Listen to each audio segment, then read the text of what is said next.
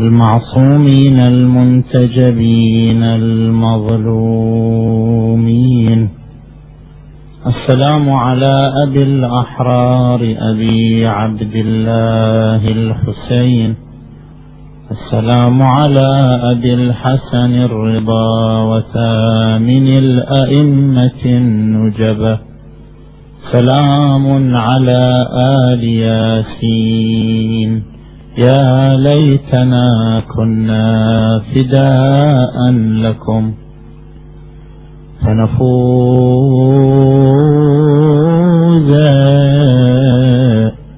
فوزا عظيما. كفاني كفاني ظنا أن أرى بالحسين شفت آل مروان أضغانها وأغضبت الله في حقه وأرضت بذلك شيطانها عشية أنهضها بغيها فجاءته تركب طغيانها وسامته يركب إحدى اثنتين وقد صرت الحرب أسنانها فإما يرى مذعنا أو تموت نفس أبى العز إذعانها يا يا يا فقال لها اعتصمي بالإبة. فنفس الأبي وما زانها يا يا يا وأبرمها لعنان السماء. حمراء تلفح أعنانها يا إلى أن إلى أن قضى للعلا حقها. وشيد بالسيف بنيانها. يا يا يا يا. ترجل للموت عن سابق. له أخلت الخيل ميدا. يا يا ميدا. يا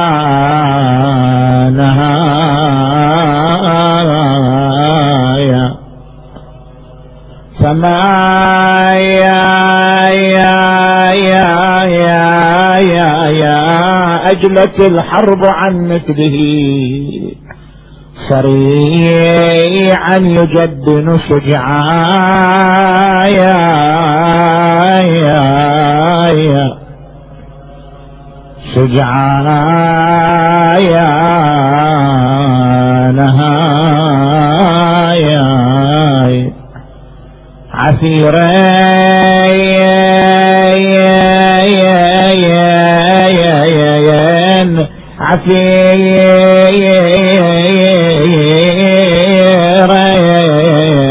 عسيرا فما أجلت الحرب عن مثله صريعا يجبن شجعانها عفيرا متى عاينته الكمات يخطف فيه الرعب ألوايا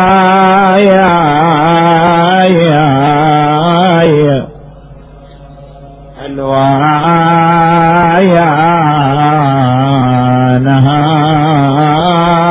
نهايا أعوذ بالله من الشيطان الغوي الرجيم.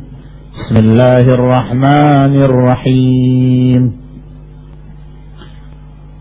ونريد أن نمن على الذين استضعفوا في الأرض ونجعلهم أئمة ونجعلهم الوارثين. آمنا بالله صدق الله العلي العظيم. ما زلنا نتحدث في عدة ليال عن مسألة الإمام المنتظر عجل الله تعالى فرجه الشريف. حيث ذكرنا في بعض الليالي السابقة ما هو الهدف من ظهوره. وقلنا بأن الهدف من ظهوره إقامة الحضارة الكونية وتحقيق العدالة التامة على الأرض. وتحدثنا في ليلة أخرى عن الهدف من بقائه العمر الطويل إلى حين ظهوره وذكرنا أن الهدف من بقائه هو حفظ الدين عن التحريف. وتحدثنا في الليلة الماضية عن مميزات وخصائص دولته الخاتمية المباركة فذكرنا أن خصائص هذه الدولة تكمن في الحديث الوارد عن النبي محمد.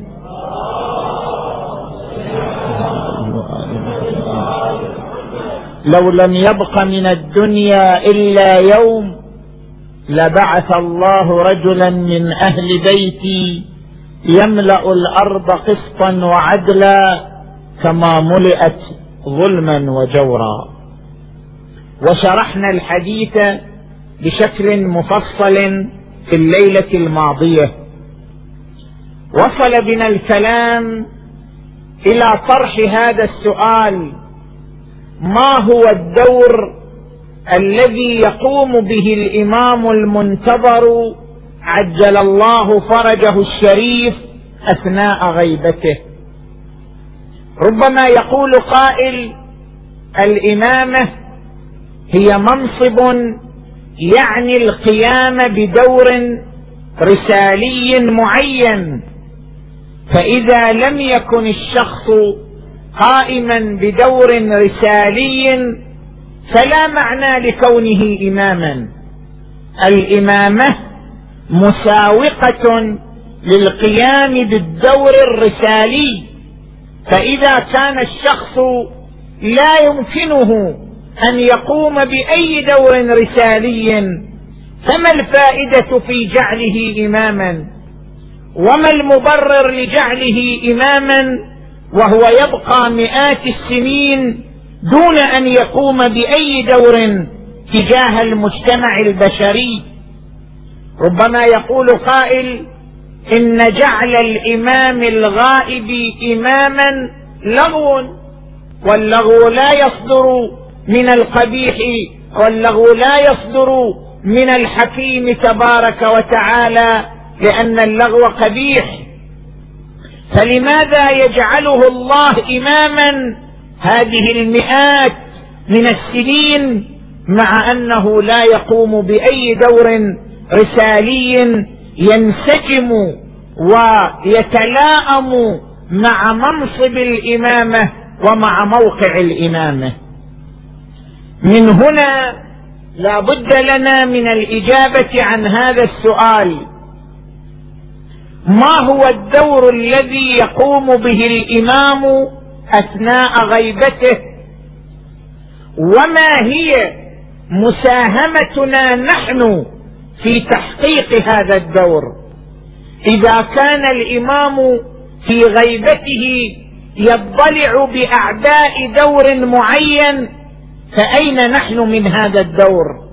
وما هو ربطنا؟ وما هي مساهمتنا؟ وما هي مشاركتنا في تجسيد هذا الدور وتحقيق هذا الدور؟ اذا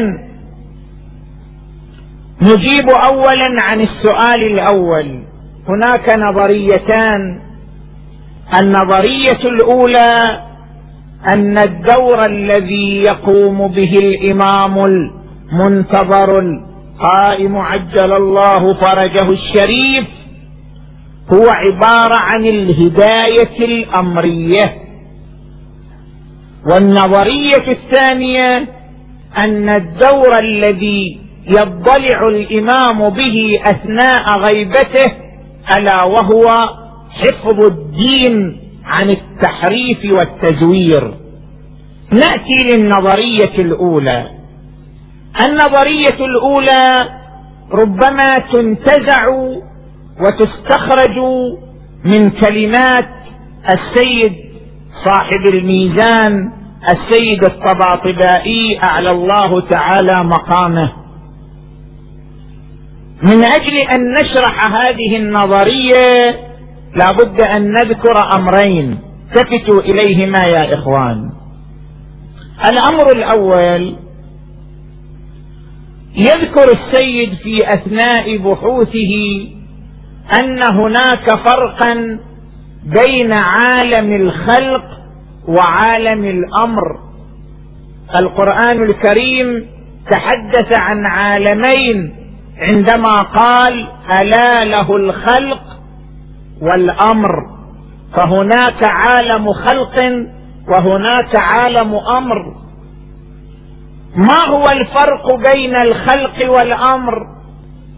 افاضه الوجود من قبله تبارك وتعالى افاضه الوجود إذا كانت افاضه تعتمد على مادة ومدة فهذه الافاضه تسمى خلقا. وأما إذا كانت افاضه الوجود افاضه لا تعتمد على مادة ولا على مدة بل المفاض يتحقق بنفس الافاضه فهذا ما نسميه بالأمر. مثلا الجنين في بطن أمه. إفاضة هذا الوجود ولقد خلقنا الإنسان من سلالة من طين ثم جعلناه نطفة في قرار مكين. فخلقنا النطفة علقة فخلقنا العلقة مضغة فخلقنا المضغة عظاما اذا هذا الوجود أفاضه الله. لكن افاضه في مادة ومدة بما أن هذا الوجود افاضه الله في مادة ومدة هذا الوجود يسمى خلق. لذلك القرآن الكريم يعبر عنه بالخلق يقول ولقد خلقنا الإنسان من سلالة من طين أولم يرى الإنسان انا خلقناه خلقناه. انا خلقناه من نطفة. فإذا هو خصيم مبين خلقناه يعني أفضنا هذا الوجود في مادة ومدة. فهذا هو الخلق الإفاضة التدريجية التي تعتمد على المادة والمدة. أما إذا كانت إفاضة الوجود إفاضة دفعية لا تعتمد على مادة ولا على مدة. يتحقق الوجود وينسبغ نور الوجود بمجرد الإفاضة من دون واسطة مادة ولا مدة. فهذا ما يسمى بالأمر عالم الأمر. مثلا قوله تعالى عندما يتحدث عن الروح البشرية الإنسانية يقول يسألونك عن الروح قل الروح من أمر ربي ولم يقل من خلق ربي ليبين لنا أن وجود الروح يختلف عن وجود الجسد وجود الجسد وجود في ضمن مادة ومدة أما وجود الروح فهو وجود دفعي لا يستند لمادة ومدة. لذلك وجود الروح يسمى بعالم الأمر يختلف عن وجود الجسد الذي يسمى بعالم الخلق. يسألونك عن الروح قل الروح من أمر ربي وما أوتيتم. من العلم إلا قليلا. ولذلك الآيات القرآنية عندما تتحدث عن عالم الأمر يعني عالم الإفاضة الذي لا يستند لمادة ولا مدة تتحدث عنه بشكل دفعي. مثلا قوله تعالى وما أمرنا إلا واحدة كلمح بالبصر. أمرنا غير خلقنا. خلقنا لا يعتمد على مادة ومدة. أما أمرنا فهو كلمح بالبصر. وما أمرنا إلا واحدة كلمح بالبصر. إشارة إلى دفعية الوجود الأمري وتدريجية الوجود الخلقي. اذا هذا هو الفرق بين عالم الخلق وعالم الأمر الذي تحدثت عنه الآية القرآنية حسب نظر السيد صاحب الميزان بقولها ألا له الخلق والأمر. هذا هو الأمر الأول الذي يذكره السيد صاحب الميزان قدس سره صلوا على محمد وآل محمد.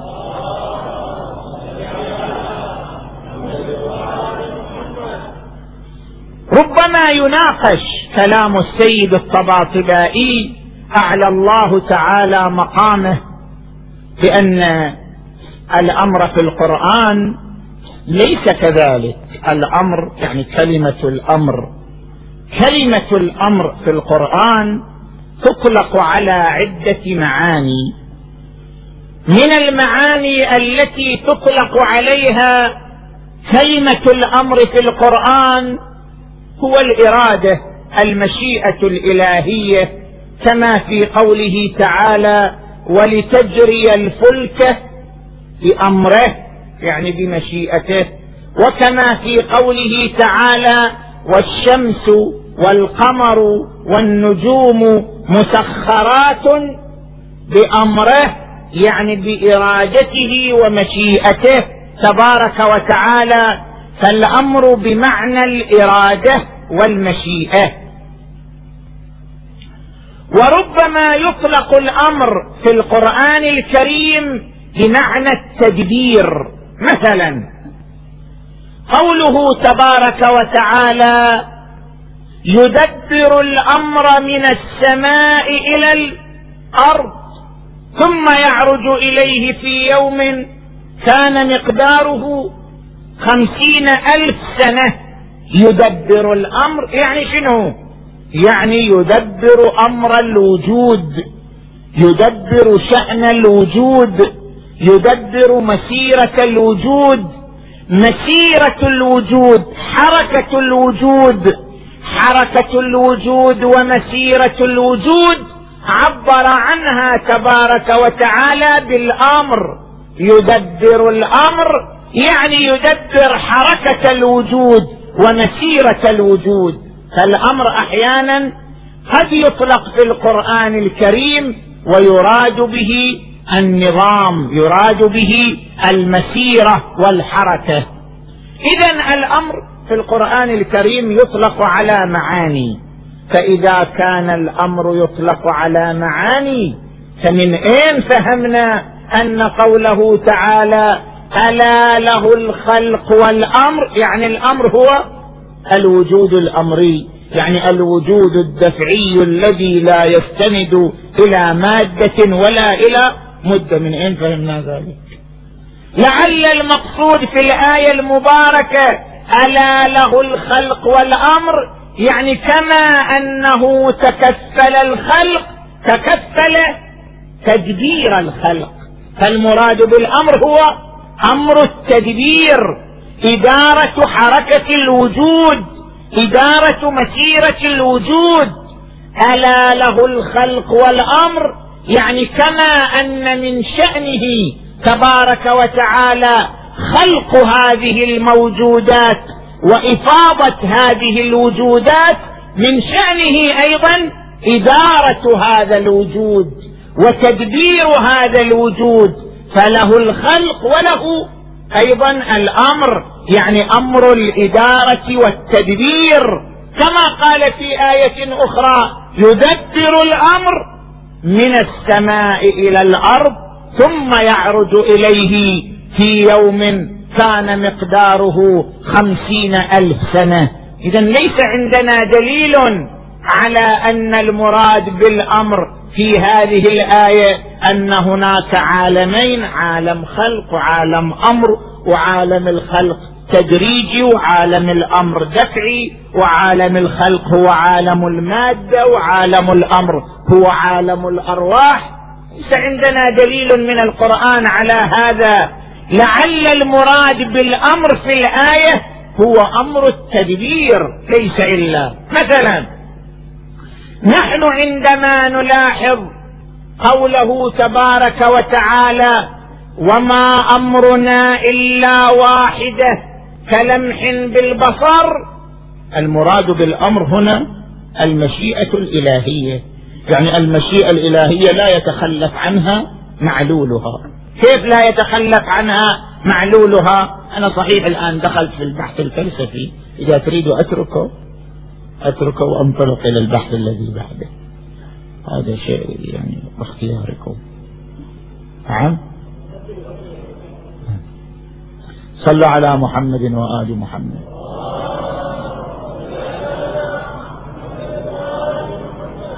تأثير المخلوق يختلف عن تأثير الخالق. تأثير المخلوق تأثير مزاحم بالموانع ومزاحم بالعوائق. مثلا أنا أردت الآن أن أصلي فمنعني مانع.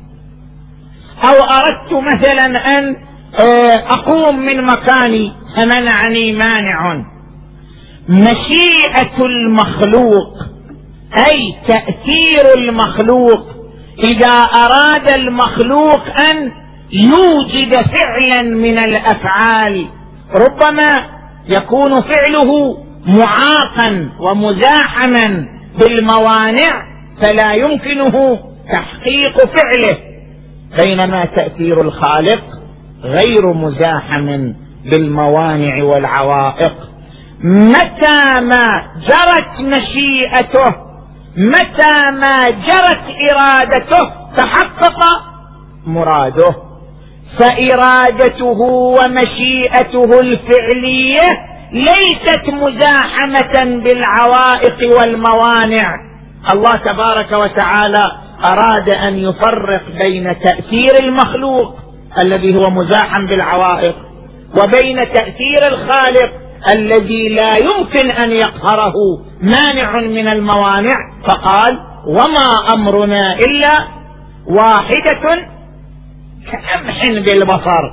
يعني تأثيرنا لا يتخلف فعلنا لا يتخلف تأثيرنا لا يقهره قاهر. ولا يمنعه مانع فهو تأثير كلمح بالبصر من دون أن ينقهر أو يغلب تحت مانع أو تحت عائق معين وما أمرنا إلا واحدة كلمح بالبصر.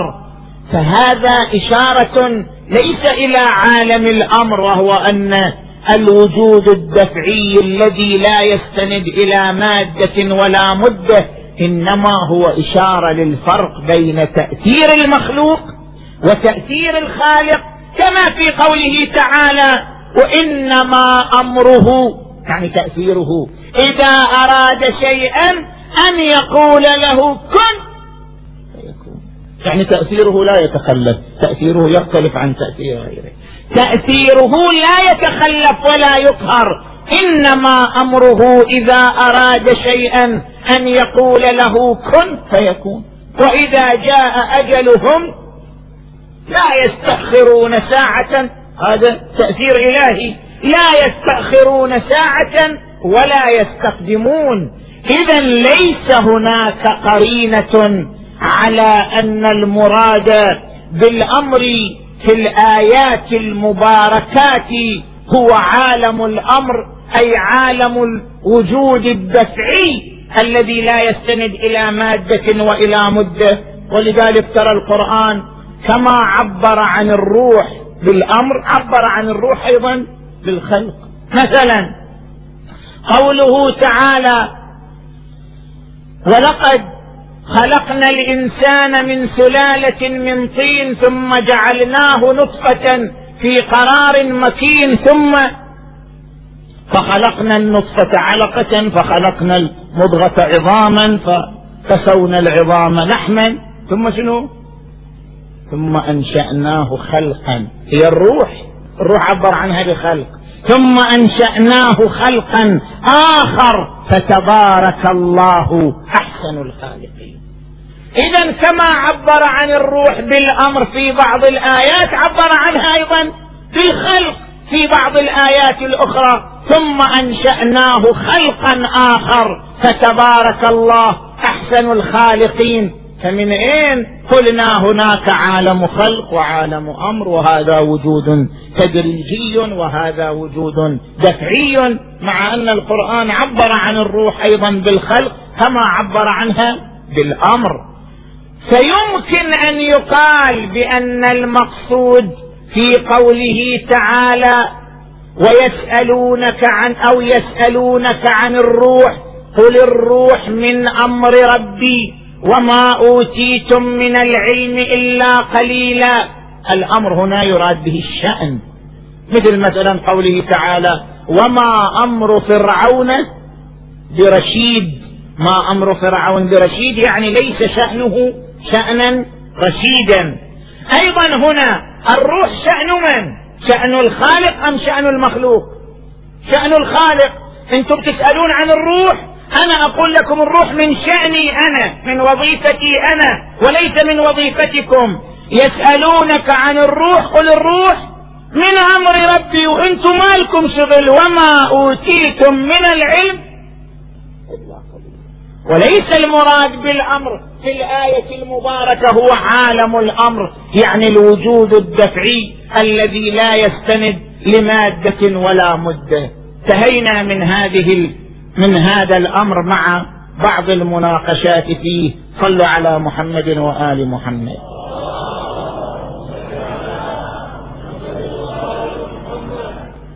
ثم نجي إلى الأمر الثاني. السيد الطباطبائي رضوان الله تعالى عليه ذكر في الميزان أن الإمامة مساوقة للهداية الأمرية. إنما يتميز الإمام عن غيره إنما يختص الإمام بأمر عن غيره أن الإمام من خصائصه ومميزاته التي تفصله عن غيره هو الهداية الأمرية. استنادا إلى قوله تعالى وجعلنا منهم أئمة يهدون بأمرنا الإمام هو الذي يهدي بالأمر. وقال في آية أخرى وجعلناهم أئمة يهدون بأمرنا وأوحينا إليهم فعل الخيرات. الإمام من يهدي بالأمر يعني الإمامة مساوقة للهداية الأمرية. والهداية الأمرية ما معناها؟ الهداية شرحتها في بعض الليالي السابقة. الهداية الأمرية معناها التأثير المباشر في النفس يعني شلون؟ مو إحنا ذكرنا في الأمر الأول أنه يفرق بين عالم الخلق وعالم الأمر؟ عالم الخلق يعني عالم الأجساد عالم المادة. عالم الأمر يعني عالم الأرواح. فالهداية الأمرية يعني هداية الروح يعني تأثير الإمام في الطرف المقابل تاثيرا روحيا مباشرا أنت الآن تجلس بين يدي الإمام. مثلا لنفترض أن الإمام الحج عجل الله تعالى فرجه الشريف يمر عليك وأنت لا تعرف به فيفيض على قلبك رشحة من شعاعه ورشحة من فيض نوره. فإذا أفاض عليك شعاعا من شعاعه ورشحة من فيض أمره. كان ذلك هداية أمرية. يعني الإمام يتحدث مع روحك بشكل مباشر يتحدث مع نفسك بشكل مباشر. وهذا الحديث هو إفاضة نور وهذا الحديث هداية أمرية. فالهداية الأمرية من مميزات الامامه وخصائص الإمامة. الإمام من يتسم بالهداية الأمرية؟ الإمام من تكون له الولاية من تكون له القدرة على بث نور الهداية وشعاع الهداية في النفوس وفي الأرواح. أليس كذلك؟ اذا بما أن الإمامة مساوقة للهداية الأمرية فلا ينبغي أن نسأل ما هو دور الإمام الحجة وهو غائب؟ بما أنه ليس له دور رسالي فلا وجه لجعله إماما لأن الإمامة تعني القيام بالدور الرسالي فإذا لم يكن للإمام الغائب دور رسالي فجعله إماما لغو. يقول لك السيد لا! الامامه تعني الهداية الأمرية. لا تعني الإمامة القيام بالدور الرسالي قد لا يتمكن الإمام من أي دور رسالي. الإمام الكاظم سجن سنين عديدة ولم يكن متمكنا من القيام بدور رسالي لأنه سجين في داخل السجن. فهل هذا يعني أن إمامته ارتفعت بمجرد أن دخل السجن؟ بمجرد أن دخل السجن ارتفعت إمامته لأنه لا يقوم بدور رسالي المعنى هذا؟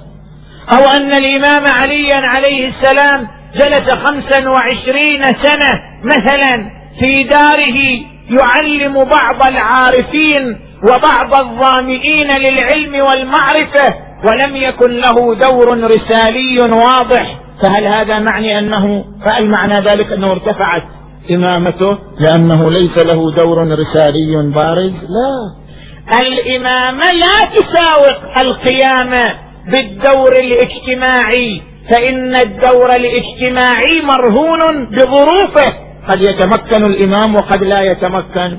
كما ورد عن الإمام علي عليه السلام لا بد لله من حجة في الأرض إما ظاهرا مشهورا أو خائفا مغمورا هو حجة وإن كان خائفا مغمورا فالإمامة لا تعني القيام بالدور الاجتماعي الإمامة تعني الهداية الأمرية. ودور الإمام وهو غائب الهداية الأمرية. يبث نور الهداية في النفس المصطفات في النفس المجتبات متى ما رأى نفسا معدة ومؤهلة وكفءا لأن يفاض عليها نور الهداية الأمرية أفاضه عليها صلوات الله وسلامه عليه. الهداية الأمرية من خصائص الامام نحن لا ننكر ذلك. ولكن ليس هذا معنى أنه أخذناه من القرآن. لا أخذناه من الروايات. نحن استفدنا من الروايات الواردة عن أهل البيت صلوات الله وسلامه عليهم أجمعين. استفدنا من الروايات أن من مميزات الإمام الاطلاع على عالم الملكوت من مميزات الإمام الهداية الأمرية. هذا استفدناه من الروايات. أما السيد قدس سره يقول لا هذا مستفاد من القرآن من قوله تعالى وجعلنا منهم أئمة يهدون بأمرنا وهنا موضع المناقشة مع كلام السيد رضوان الله تعالى عليه. قد يقال في مقابل هذا الرأي المطروح أنه لا لا علاقة لهذه الآية وجعلنا منهم أئمة يهدون بأمرنا. لا علاقة لهذه الآية بمسألة الهداية الأمرية. لماذا؟ لأن كلمة الأمر يا إخوان في القرآن كما ذكرنا في المناقشة السابقة استعملت بمعاني متعددة ومن جملة معاني الأمر الدين. نفس الدين الدين السماوي عبر عنه بالأمر.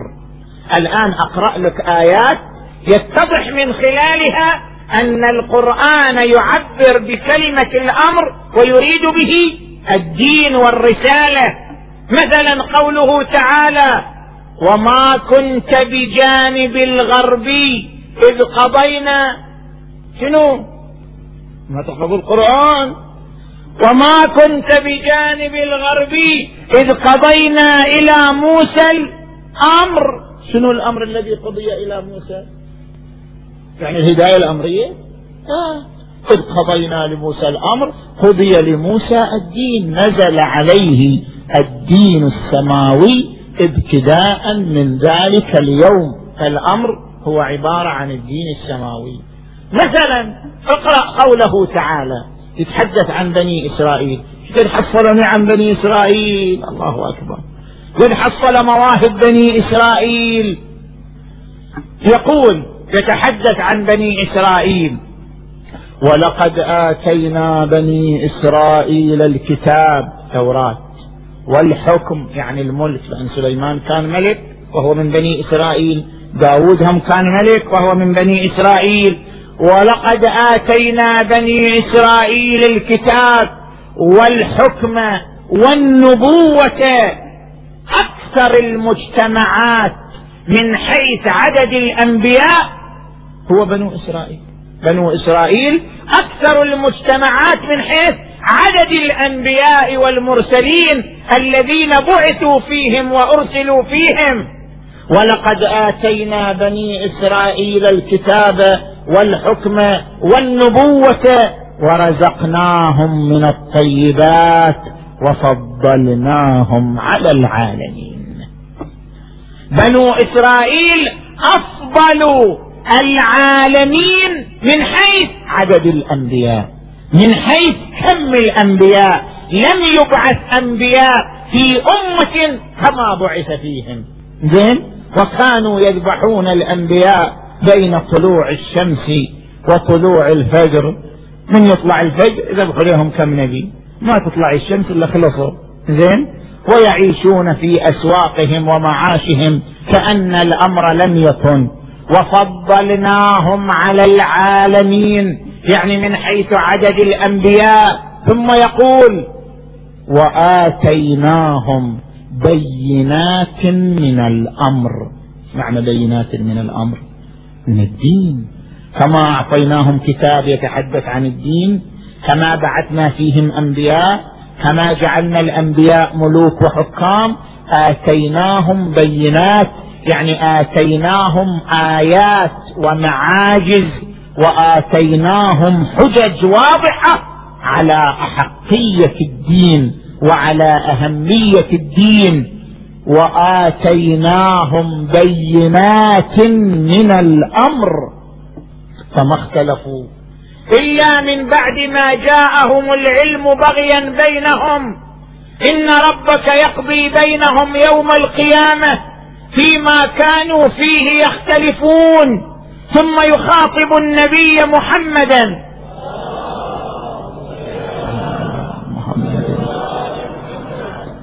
يخاطب يوجه الخطاب إلى النبي صلى الله عليه وآله ثم جعلناك على شريعة من الأمر فاتبعها ولا تتبع أهواء الذين لا يعلمون. شنو الشريعة من الأمر؟ شنو معنى يعني الهدايه الامريه يعني؟ لا شريعة من الدين. فالدين كما له جنب فكرية له جنب شريعية. شريعية هي هي الأعمال العبادات. الدين كما هو فكر فهو شريعة أيضا. فالدين له جنبتان جنبة الفكر وجنبة الشريعة.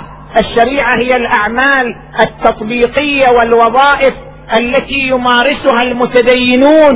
يقول للنبي محمد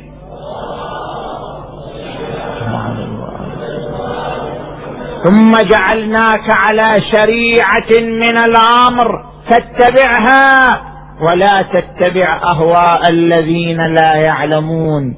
اذا إذا كان الأمر في القرآن الكريم يطلق على الدين السماوي وعلى الرسالة السماوية فحينئذ يمكن أن تكون هذه الآية ناظرة للرسالة وجعلناهم أئمة يهدون بامرنا يعني يهدون بواسطة ديننا ورسالتنا وجعلنا منهم أئمة يهدون بأمرنا يعني يهدون العباد بواسطة ديننا ورسالتنا. لا أن المراد بالأمر في هذه الآية الهداية الأمرية التي استفدناها من الروايات الشريفة.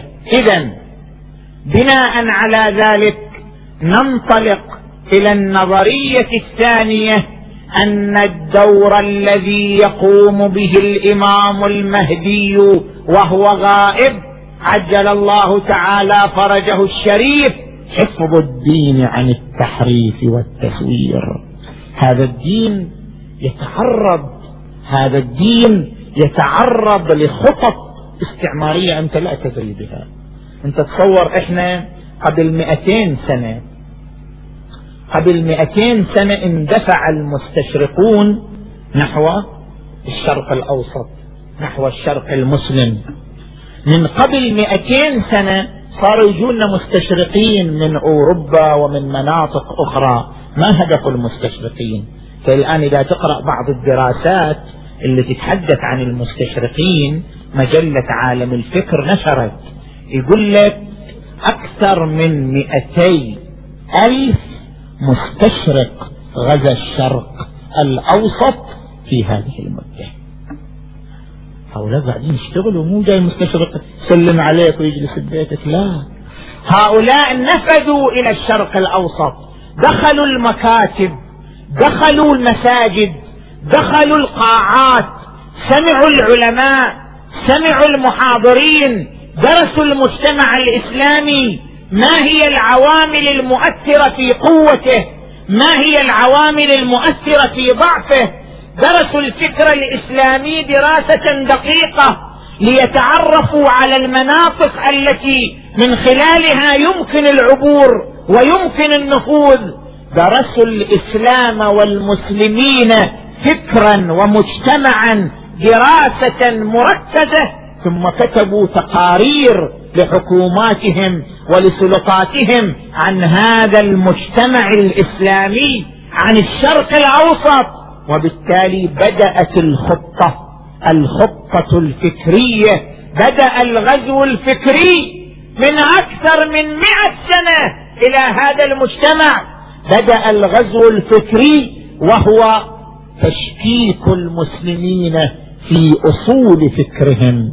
وفي جذور فكرهم الإسلامي حاول المستشرقون وحاول كثير من المبشرين أن يخضعوا هذا الدين إلى موجة من التحريف والتزوير كما صنعوا بالتوراة وكما صنعوا بالإنجيل وما زالت خططهم وما زالت مكائدهم وما زالت المخططات الفكرية وما زالت الاستراتيجية للغزو الفكري وهو تشكيك المسلمين في دينهم من خلال تحريف بعض الآيات تزوير بعض الأحاديث تزوير بعض المفاهيم الدينية بث بعض الشائعات بث بعض المغالطات بث بعض المفاهيم الخاطئة يحاولون بين سينة وأخرى وبين حين وآخر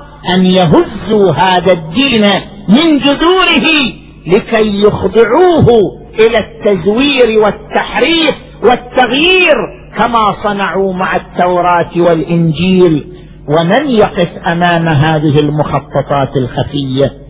ومن يقف أمام هذه المكائد الخفية؟ والمسلمون في سبات عميق والمسلمون لاهون بمعاشهم وبلقمة الخبز وتحصيل لقمة العيش كل مسلم يفكر في ترفه وجوانبه المادية كيف يحصل على الراكب الوفير وكيف يركب السيارة الفارهة وكيف يعيش في الفلة الفخمة وكيف ينام على الوسادة الناعمة.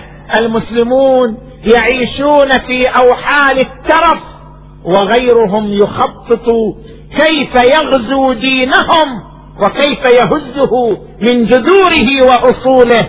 لذلك كانت هذه المخططات الخفية تحتاج إلى يقظة من قبل المسلمين ووعي وتركيز والتفات من قبل المسلمين. وهناك شخص دوره إثارة المسلمين وإيقاظهم بين فترة وأخرى تحريك علمائهم تحريك مصادر القرار ومصادر الرأي عند المسلمين محاولة أن يلتفت المسلمون ويستيقظوا لأي عملية تزوير ولأي عملية تحريف ولأي عملية تغيير. هذا الشخص الذي يقوم بهذا الدور الرسالي الكبير ألا وهو إيقاظ العلماء وتنبيه العلماء على محاولات التشويه والتزوير والتحريف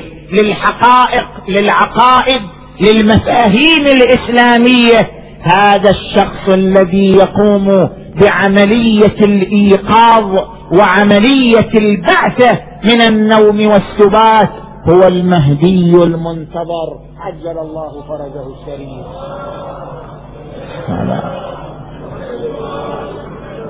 ولذلك ورد عن الرسول محمد.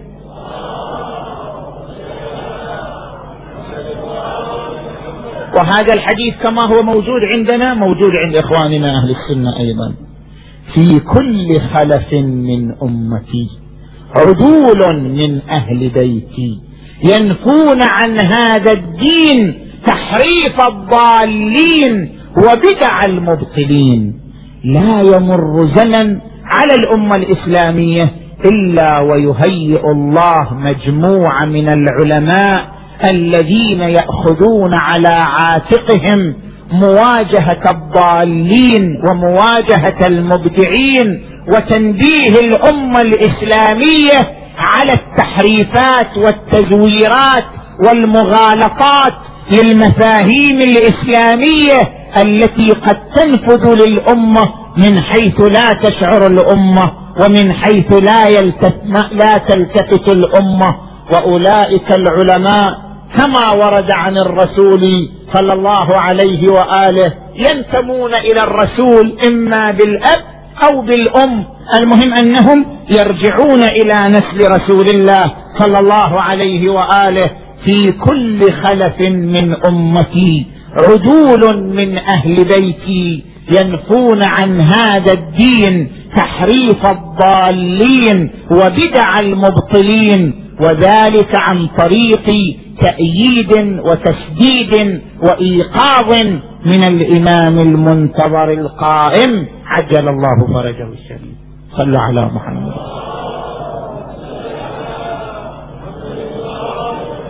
وهذه هي مسيرة أجداده الطاهرين. مسيرة حفظ الدين. مسيرة إبقاء مسيرة إبقاء الدين صورة ناصعة بيضاء لا تنالها يد التحريف والتزوير كما كان آباؤه الطاهرون صلوات الله وسلامه عليهم أجمعين. الإمام الباقر والصادق خدموا الدين بفكرهم. الإمام الرضا خدم الدين بمناظراته واحتجاجه. زين العابدين خدم الدين بعباداته ودعائه.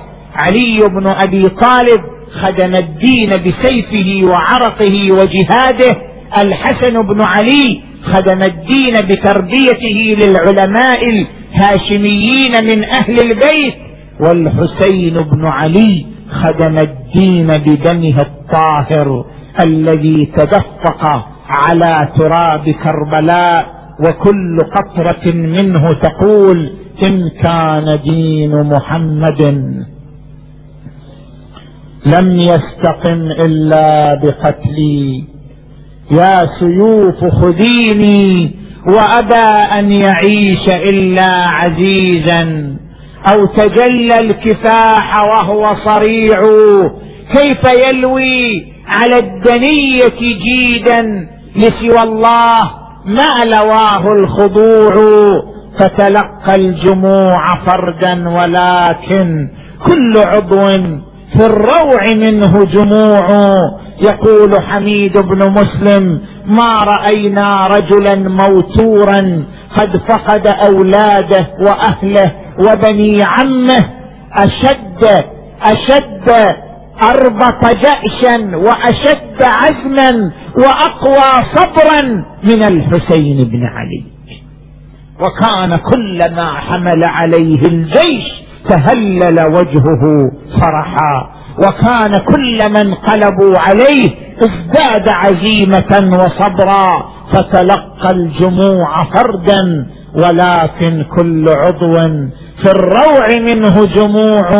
ثم يقول السيد الحلي هوضي يا خيام عليا نزار فلقد هوض العماد الرفيع واملأ العين واملأ العين يا أمية نوما فحسين على الصعيد. سريع هذا شعر السيد حيدر الحلي وبعد شعر ابن نصار معروف ابن نصار العراقي ها يقول دار العسكر على حسين. يا حيف ناس بالرماح وناس بالسيف يشبه دورها على الليف. المخيف بياض العين بصبيها يتدور وتشب يستريح حسين ساعة. لما قاتل قتال شديد أراد أن يستريح قليلا وتشب يستريح حسين ساعة. ضعف حيله وثقل بالسيف. باع ورن الحجر من وجهه بشعاع. أقبل الحجر على جبينها. ورن الحجر من وجهه بشعاعه ودمه مثل ماي العين فجر. سوى أبو علي يقول ابن نصار شال حسين ثوبه يمسح الدم. شال حسين ثوبه يمسح الدم ولن سهم المثلث. ناجع ابسم وبقلبه وقع لا وخر وجدم هو وظلم هواها والسما أحمر. سقط صريعا على الأرض. ماذا صنع الحسين؟ قام يأخذ الدم من صدره. الدم ينزف كالميزاب. أخذ الدم من صدره ومسح به شيبته الشريفه ومسح به خيبته الشريفة ورمق بطرفه إلى السماء مناديا اللهم رضا بقضائك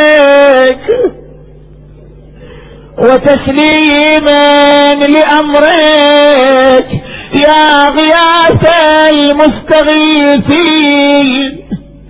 ونزل على الثرى ولسان حاله إلهي تركت الخلق طرا.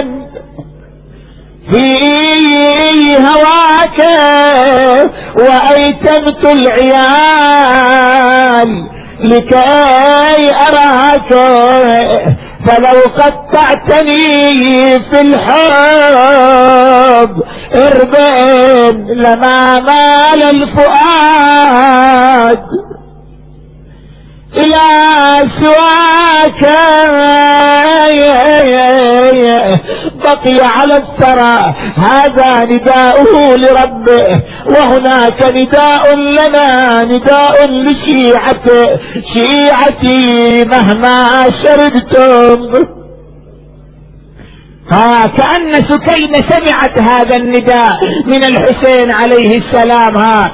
شيعتي مهما شربتم عذب ماء فاذكروني أو سمعتم بقتيل أو ذبيح فانجبوني فأنا السبت الذي من غير جرم ذبحوني. أويلي ما حد حضر عنده وحفر قبره ولا حد جاب كافوره وصدره خيل الأعوجية وطت صدره اللباس تطيع الرأس. يا الله.